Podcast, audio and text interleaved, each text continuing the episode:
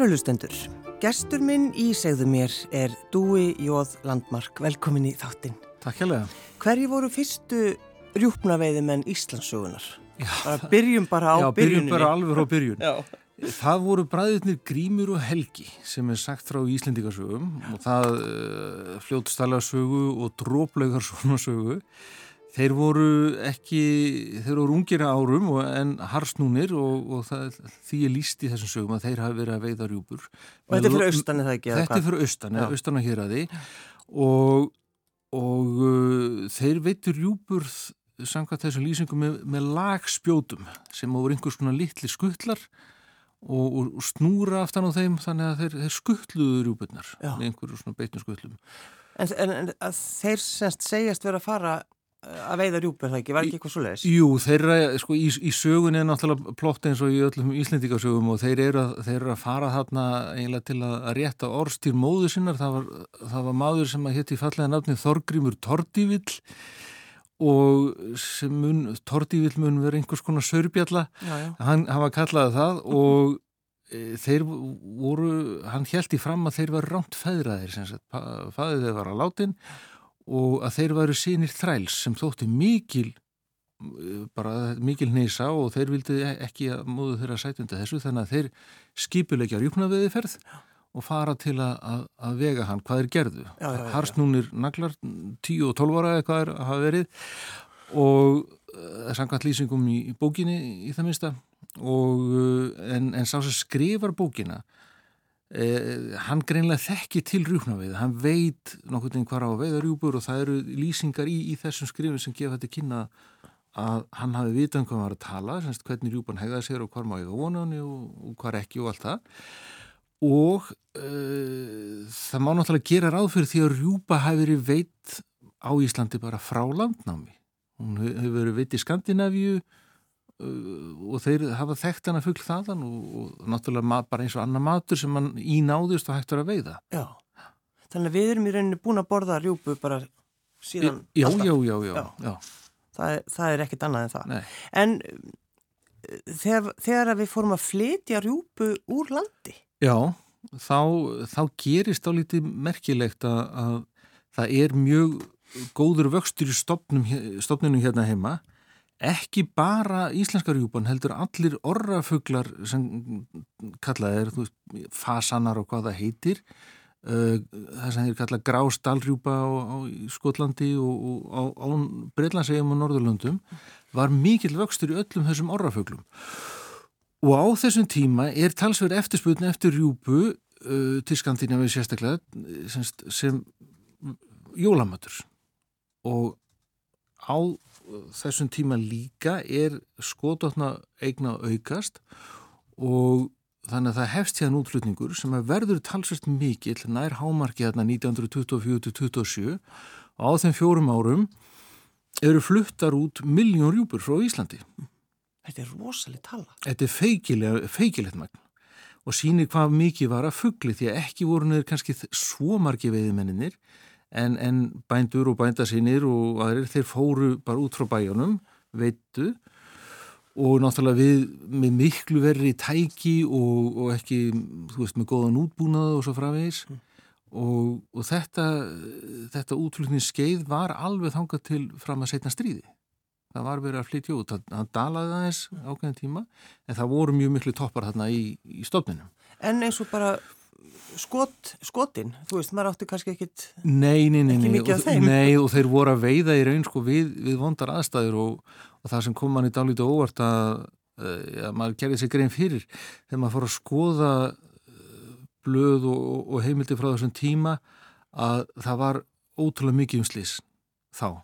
Þeir að fara, þetta er kannski óharnar úlingar, það er ekki góða skjólfatnar, þeir eru með vondan uh, skóbúnað, það er ekki veðurspá, það er ekki GPS-tæki, e, þeir eru kannski bara við, þú veist, lopa peysuna og, og, og fara bara af stað og, og það var ótrúlega mikið og, og vond skotfæri eða svona bissu sem að voru miskóðar, skulum við segja. Ef það er byluðu, þá gertu þar heima bara á bæ og, og uh, það var ótrúlega mikið um slís og voðaskot bara, eða fréttir, fregnir af því. Og, en, frá en, þessum tíma. Já, þannig að þeir kannski gerðu það sem er, var gert að það bara vera svona sapnaðum svolítið saman eða ekki rjúpunni? Jú, skot voru dýr, skot voru dýr og það þótti, þótti bröðulega skjóta einu skoti á eitt fuggl.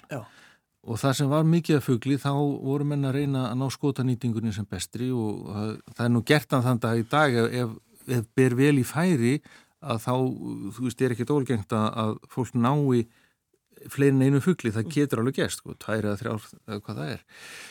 Ég, það er nú saga sem segir frá því í bókin að, að, að góðu veiðmaður sem að náði 11 í einu skoti.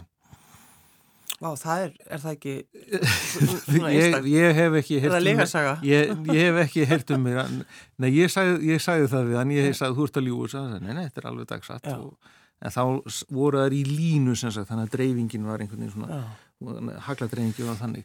En þeir, þetta var skotin voru það dýra þessum tíma þegar að, að, að ef verið að flytja út að þá bara reynda að ná sem bestir skotanýting Já, þannig að, að þeir voru í reyninni bara, þetta var bara að vinna að fara að veiða rjúpu. Já, á ákveðnu tíma, sko, gluggin segður höfðu, það var frá því að rjúpan verið kvít og þangað til að skipin fóru, síðustu jólaskipin til Skandinavíu. Já og að því að, að það er urða að vera kvítar, þú fyrst best verð fyrir þannig. Og þess vegna reyndir náður sem kvítustum, kon, konar vel fram í haustu og veturinn. Og þegar að veitust rjúpur með, með svona aðeins brúnu í eða voru blóðfjæðrir annar, þá voru krakkar sem að voru únlingar látum plokka úr svo að færu sem hvítastar og fínastar í skip. Já, þannig að, að þær vildu náttúrulega, hús, húsfreyjurnar sem voru að panta þetta, vildu hafa Já. þetta voru hvíti, hvíti fuggli. Já, þetta er næstu eins og jólaskurri, það er náttúrulega svo fallegar að, að þegar að, að þetta er sem útflutningsvara, þá eru það að vera algjörlega uh, svona, svona gallalösa, bara hvítar Já. og ekki sjá að um blóðu brúna fjærir. Nei. En svo náttúrulega eins og, maður, eins og sko að geima þær í hamnum, Já. það er náttúrulega, þetta er besta aðferðin, þannig að það hefur kannski ekki verið mikið mála að senda þetta með jólaskipunum. Nei, hamurinn geimir, geimir alveg ótrúlega vel og lengi Já. og það er nú sögur að því að það lengsta sem ég hef hyrt um það var þegar var verið að loka fristigeimslunum á kaufélaginu og norðfyrið og þá var maður það sem að, að fekk að hyrða rjúbur sem voru búin að vera þar í 17 ára eins og hann sagði og þær, og þær smökkust bara vel já. Já. já en af hverju er umræðan um rjúpur og rjúp, rjúpnaveiðina alltaf svona á tilfinningasviðinu það er, er frábár spurningin en hún er það vissulega og, og ekki bara hjá fríðuna sinnum heldur líka hjá veiðumennum mm. ég held að sé vegna að þetta, þetta tengist eins og allt sem snýra náttúru upplifu, náttúru vernd og nýtingu á náttúru auðafum og, og, og dýrastofnum. Þetta tengist tilfinningum mjög fljótt. Ég hef stundu sagt að öll svo umræða á þriðju setningu er þetta komið tilfinningu. Þa, það eru farnar að, svona, að, að spila þar inn í og á þriðju setningu er gerðna farið að segja svo sko, því hvernig afi gerði og amma gerði mm. og, og þetta við erum tilfinningaverur og þetta er ekki bara friðunarsynarnir, þetta er líka veiðmenninir því að þetta tengist, þetta tengist fjölskylduhefðum, þetta tengist hátjóðunum, jólunum, upplifunum, upplifun sem við eigum sem börn og, og, og, og allir fjölskyldusögunni og þetta bara er mjög tilfinningatengt umræða og þess vegna verður hún oft mjög erfið. Já. Og ég, ég til dæmis hefur ekki á með það, með, með, með þessa bók og nú er ég talsmaður sjálfbara veiði og hóveiði og, og vil að, þú veist, meina það sé bara okkar skilda sem erum að veiði í dag, við erum að sjá til þess að næstu kynsluðu geti, geti halda áfram að veiða og rjúknastóttin beri sér vel, mm -hmm. það er það sem að skipti máli. Að í umfjöllun um bókina að fólk kannski sér sjálfur knúið til að tjásum það því finnist að það er ekki verið að veiða rjúpu. Og það er ekkert náttúrulega nema hægt að gera nema að bera fyrningu fyrir þeim, þeim sjónamöðum en það er kannski ekkert mikið verið að horfa á rökin, þetta er bara mér finnst mm -hmm. rökin já, já. Og, og þau ná náttúrulega bara alveg visslant líka. En svo líka hættir að nota í, þessum þegar verður verið að ræða þessi hvort að vegum að veiða rjúpið ekki, þá er mm. nefnilega oft þá, þá förum við ofta að tala um Jónas Hallgrímsson Jú, jú, jú og ljóð og þetta sko. hans óhræsið einir upp til fjalla Íl í húsafjær og, og, og það sko, margir anstæðingar rjúpna veiða vittna gerðnan í þessa, þessa, þessa hendingu, þessa fyrstu hendingu úr kvæðinu með, með tilþrjum og, og dramatík og sá skilningur hefur oftur uppi að, að, að þetta kvæði sé skrifað mótur júkna við þeim. Já. Það er það ekki í reynd, að minn skoðast ekki sanga þeim, þeim útleggingum sem eru koma fram í uh, æfisögu Jónasar eftir Pál Valsson þegar við erum að skoða hveðskapin, hann talar á fleiri stöðum í sínum hveðskapum um rúknaveiði en útleggingin er svo sem sagt að þarna sé Jónas meira að, að fjalla um hlutskipti í lítilmagnars, þetta sé ákveðin svona myndgerfing og þá sitt í leðinni því hún fannst hann oft vera að skiptur Já. í sínu lífi og enda borðaður Jónas og Rjúpur, það er til bref frá honum. Já, hérna er sko, já, já. hann sendir vini sínum, Páli Melsteð Já. 27. september 1843 þetta, ég er náttúrulega bara vitnað í þína bók þetta er ekki eitthvað sem ég veit. Hvað? ég veit það. Já, ég veit það.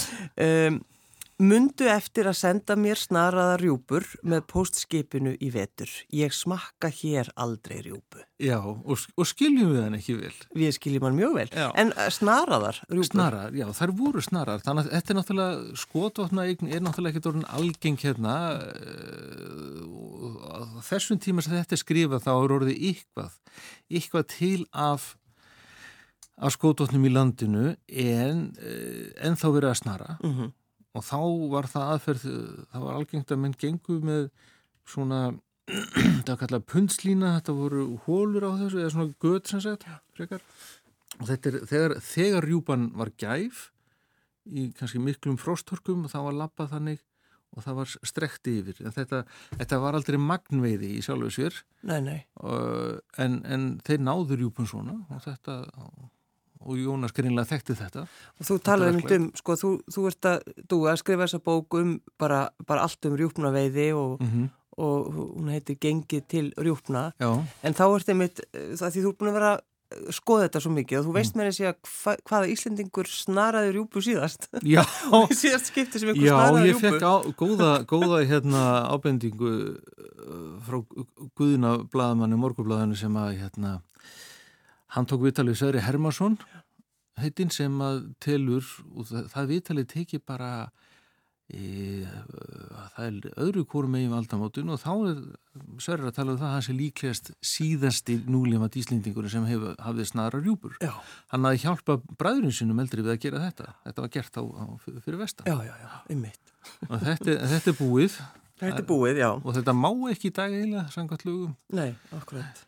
En að því við erum að, vorum að tala um Jónas Hallgrímsson að, að þá einmitt í talandum tilfinningar Já. og rjúpuna og okkur að, að það var einhver sem greip þetta, þetta ljóðans á þingi. Jú, Hjálmar Hortnarsson, hann gerði það.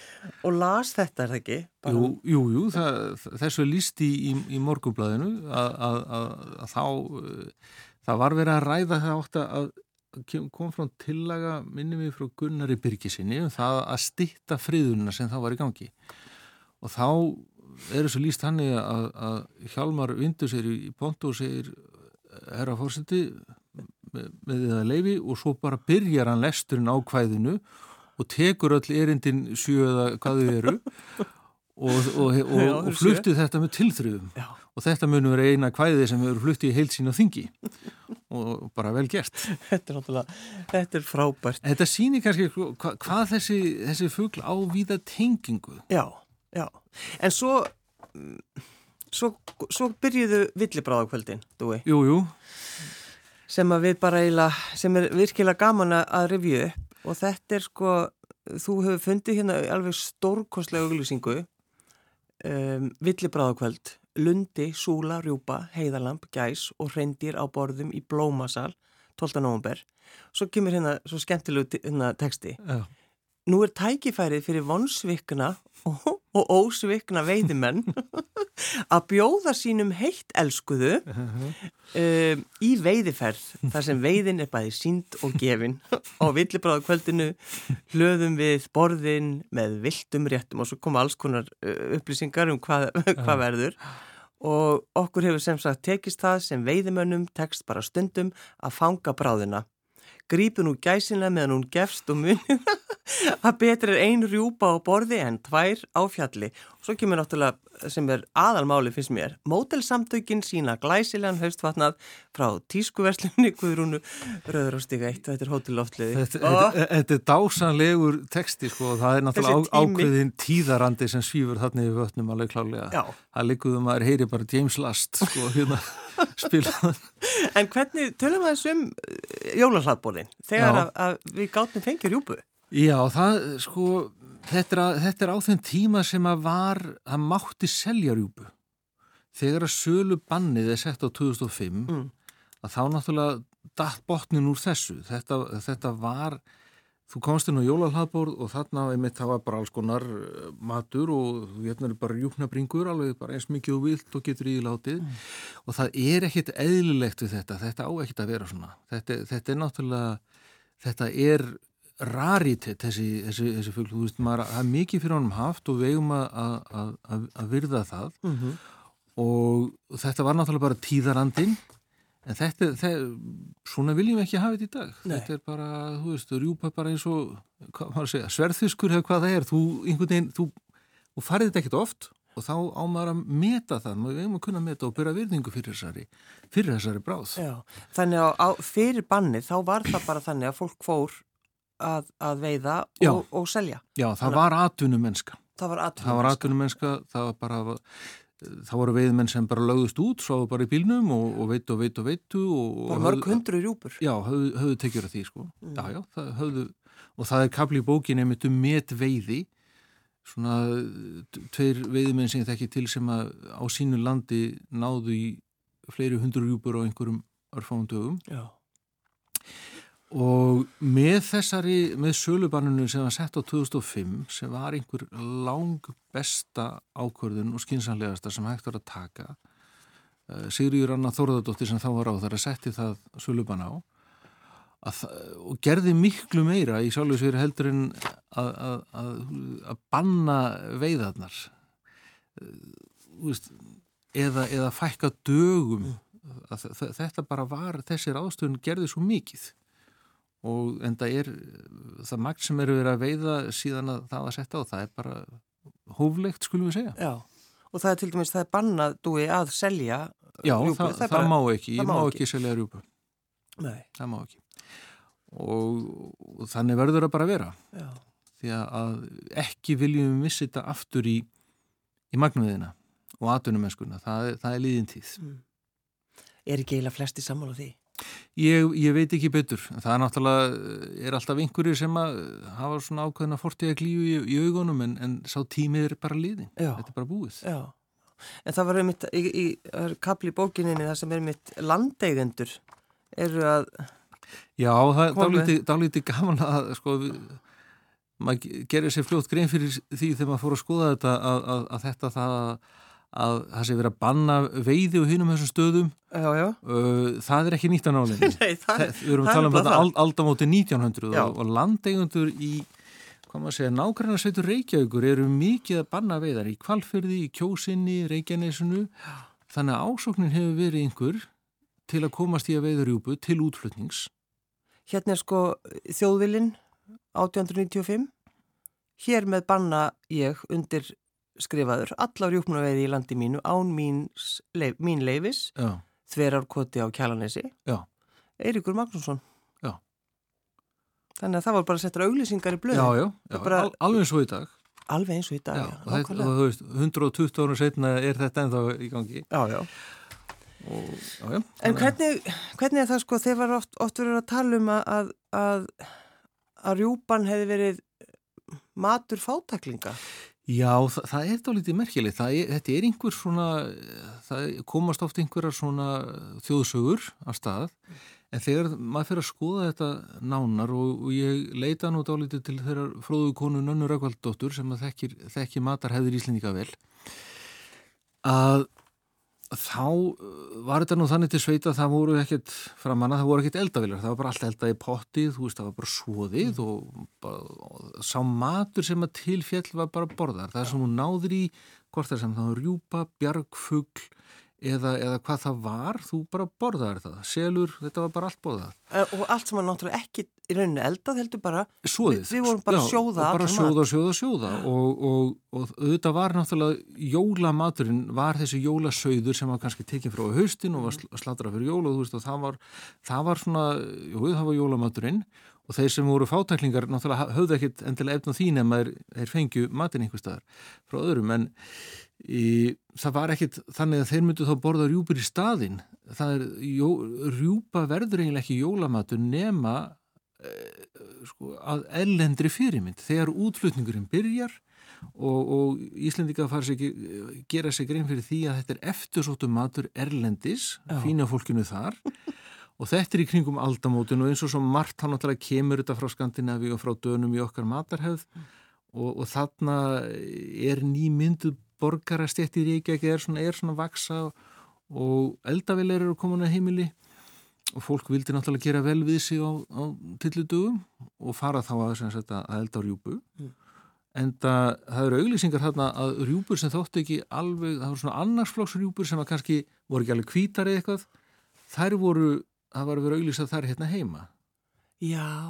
Já þar voru seldar hérna vinnarlandsmarkaði og, og þetta er, það er svo margt kannski með rjúbuna eins og með já, veist, við ólumst ekki við það að það væri verið að borða þosk mikið, nei, nei. það var útlutningsfara það borðaði allir ísu jú, jú. og þetta var sama, rjúpa var útlutningsfara og svo allt í hennu kviknar áhengið fyrir því að borða þosk og sama með rjúpuna. Já, þannig að, að, að þegar við hugsim já, það er þess að fínu, fínu konurnar uh, í Kaupmannahöfn sem, sem er að fara að elda rjúpunar okkar Já, já, já. Það, var, það er það. Þetta var, þetta bara upphefðin kemur utan líka fyrir rjúpuna. Líka fyrir rjúpuna, elsku rjúpuna. En hvenar byrjaði fólk svo að, að sko hugsa hvernig eigu eldana? Þú, já, það er, er sko elsta uppskrift rjúpna uppskriftin er þarna í, er, er í bókinni. Það eru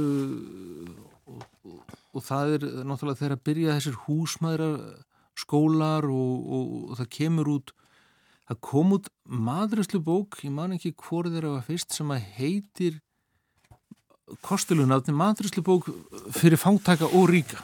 Já. Madröslu bók fyrir fátaka og ríka. Já, og, og þá eh, hérna þetta eru svona fyrstu uppskriftirna sem að sjást. Já. Og í framhaldinu þá bara sagt, verða nú svona, fara Íslandikar að kunna metarjúpuna en þetta má segja sko, hefur nú verið mjög í förstu skorðu mjög lengi, við vorum að ræða áðan við erum frekabæði íhaldsum í okkar mm. eldamennsku við tökum bringurnar af, við eldam er ekki á skipunni en sósan sem er ennú aðalmálið í þessu öllu jú, jú. þú veist, hún er bara megin stefið og við, við erum að, að, að hérna, við leggjum mikið upp á því. Veist, og, og við gerum þetta alltaf eins. Þetta, þetta er, þetta er hátíðamatur og svona. En svo er fólk með alls konar tilrunni það er, er ágættu maður á, á, á söðokróki sem býr til rjúpna snafs tekur á sarpinum og lætur liggja. Já, já, og, og í ár með sagt, því sem er í, í, í sarpinum lætur það liggja í hreinu vodka og þá bara er þetta orðin bræðum mikil heiðasnafs þegar maður, þegar maður er að borða rjúpu þá er maður að borða heiðina, segi ég. maður er, maður er það svolítið. Er það ekki? Jú, en sko, maður mann man sjálfur eftir því að, að amma mín, hún sögðana til bara já, já, bara sögð og sögð og sögð það er bara að segja það. Hún sögðan alveg bara lengi og svo, já, já. Og, og svo er þetta þannig að fólk gerir það þangur til allt í hugsa, nei, heyrðu, ef við erum eitthvað að eiðilegja matinn, mm -hmm. en samt er alveg fullt af fólki sem gerir þetta bara út af hefðinu og það voru við aftur komið með þessar tilfinningar Já, amma gerir þetta svona, ég fyrir sko ekki að breyta því. Nei, nei það er bara, það er ekki að ræða Nei. En nei, það, það, er alveg, það er alveg tilfellið og, og að vísu, þú er náttúrulega svoðið sjálf, það þarf að fá tíma. Það þarf bara og, og ég bara segi, þú veist, þegar maður er eldarjúbu Þetta, þetta, er, þetta, þetta dýrmætvillig bráð það er búið að hafa mikið fyrir henni maður á að gefa þessu tíma við eldana. Mm. bara að njóta þess og svo náttúrulega þegar maður byrjar að, að kannski að steikja hérna innmatinn og þessi lykt sem er hinn eina sanna hjóla lykt fyrir mér þegar hún byrjar að koma þá, þú veist, maður á bara að njóta þess að, að þetta eru forréttindi að geta gert þetta mm. En þessi mitt uppskrift af hérna, þessari uh, uh, rjúbunni frá 1897, þetta er náttúrulega svolítið áhugavert. Já, það er það. Og hvernig er, þeir nota líka feitt kjött? Já, þetta er, þetta er dálítið svona, þessi vafin í spekk, sko, þetta er alltið svona, svona skandinavist. En, já, þetta er svolítið... Við lýst nú betur til dæmis á uppskriftina hennar Snædísars Jónsdóttur sem er hann í, í bókinu Rjúknarsúpan, hún er, er himnesk sem já. dæmi, það er náttúrulega eru þrýr frábærir maturslumenn, uh, hvað var að segja, miklu gúruar í matagerð, Nanna Rökkvaldar og Úlfa Fimbjússon og, og svo Snæti Sjónsdóttir sem er fyrirliði koka, íslenska kokkalandslesis. Þau ljót láta öll uppskriftir að hendi Já. og svo er náttúrulega þessi klassíska rjúknauppskrift líka í bókinni. Já, sem er sko... Og verður að vera. Sem verður að vera. Já, já. Er það þá, ertu þá að tala um þessa sem maður Ekki sem að síður þar, nei. Já, ég, ég er með báðar. Það, sko, því að það er eiginlega sama hvort þú gerir þar á skipinu eða hvort þú ert að gera bara bringur. Það er náttúrulega, sósan er málið. Mm -hmm. Mér finnst betra sjálfum að, gera bringurnar, bæði vegna þess að þá getur maður mm, sko náð þéttara svoði, eða svo maður segja, þú veist að þá getur maður muli beinin og nota minna vatn mm -hmm. og náð kraft meira svoði og bara gefa því tíma og uh, svo er það líka bara þegar þú ert með fólki borðið, það er bara þægilega að borða bringur heldur en að vera plokkit af, af skipinu mm. við hátíða borð allt Hefur þú uh, alltaf haft áhuga á veiðum, Dúi? Já, já, já ég er náttúrulega ég elst upp sko við fjöruna upp á Skaga og bara sem lítil ponni þá maður fann að fann er og kletta sem kalla var að veiða þar og, og svo uh, fer ég á veiðar fyrsta rjúpnaveða með, með pappa þegar ég er 15 ára Þú ert 15? Já Og, og mannstu vel eftir því? Og já, það er myndað mér hérna fremst í bókinu með fyrstu rjúpuna og ég man þetta svo, þetta já. er bara eins og þetta er gerst núna áðan. Ég man alveg tilfinninguna, ég man hvað ég var spenntur hvað, og, og líka hvað pappi var gladur.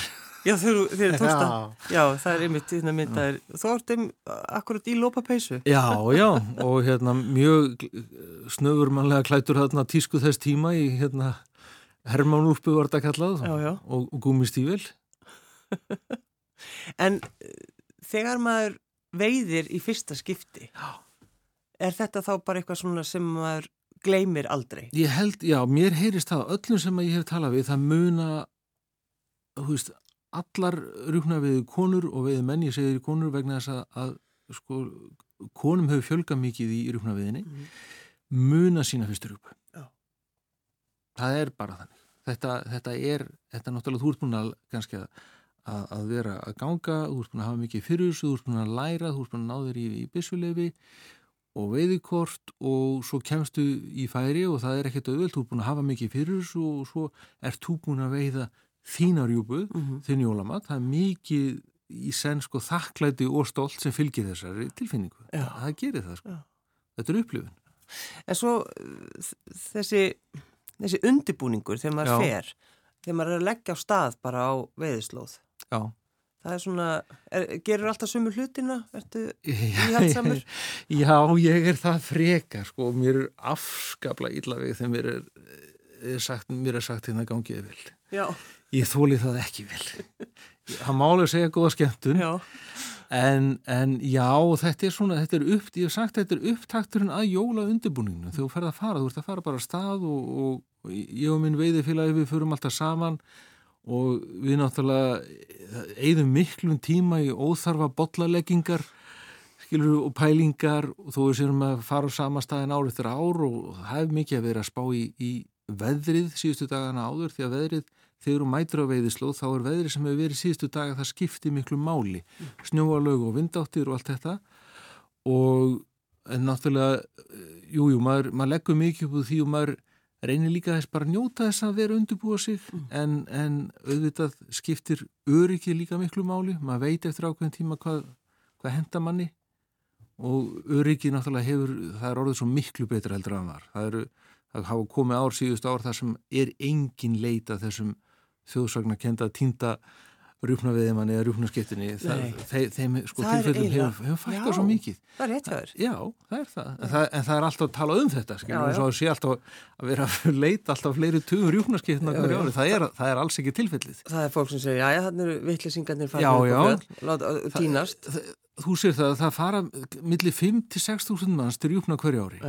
Og það er kannski ein leiti að tvær eða engin þrjár eitt árið veist, það þætti nú ekki mikið það sem að 5-6 þúsund manns koma einhvern veginn saman að vera þrjú útköll eða, eða þú veist, eitthvað þetta er bara, þetta er, þetta er afskaplega lítið. Mm. og það náttúrulega er aukin uh, farsímaegn og GPS-tækin líka fyrst og fremst betra aðgengja viðurspám og hvað það er og, og þú veist, það er bara og svo náttúrulega bara mjög mikill koma að segja áróður og upplýsing sem bæði skotvís og landsbjörg hafa staðið fyrir. Mm og öllum til að hylla þetta, er er í, þetta er í, þessi máli eru bara í, í góðum farfiði En þú, þú er alltaf einmitt verið eh, sko talað með mikill í jákvæðin í tengslum við, þú veist, þegar er verið að banna, þegar er verið að stitta veiði tíma og allt þetta. Mísmikill í jákvæðinni Ok. Já, mísmikill í jákvæðinni ég, ég hérna, sko Það mann ég bara þegar þú ert já, hérna. Já, nei, ég, ég, ég talsmaður hófleira veiða já. og ég talsmaður sjálfbara veiða.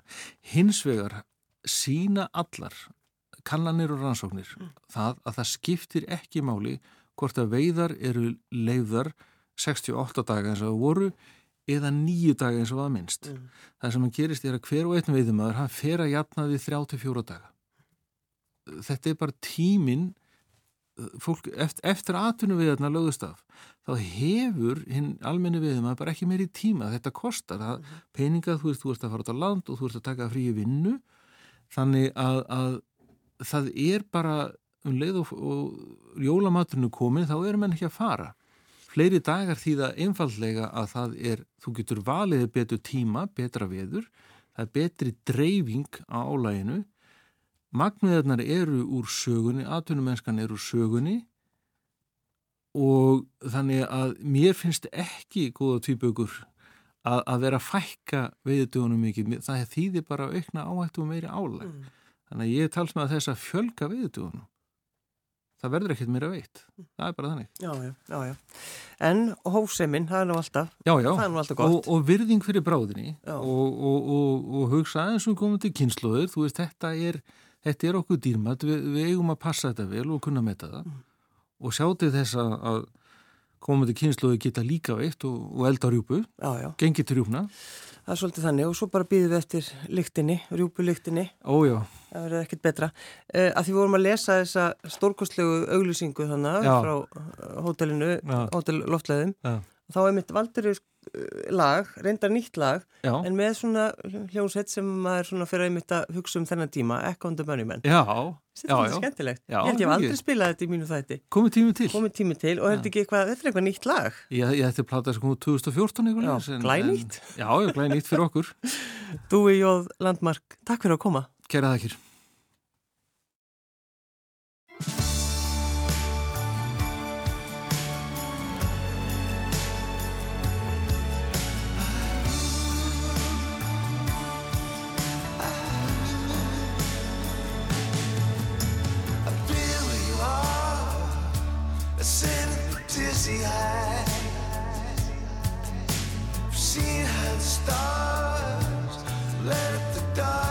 night. Too close to the sun before I become. Oh, can be undone. I know how the sky you believe in anything. Flown or you fly. Thought I'd grown angel's wings. Too close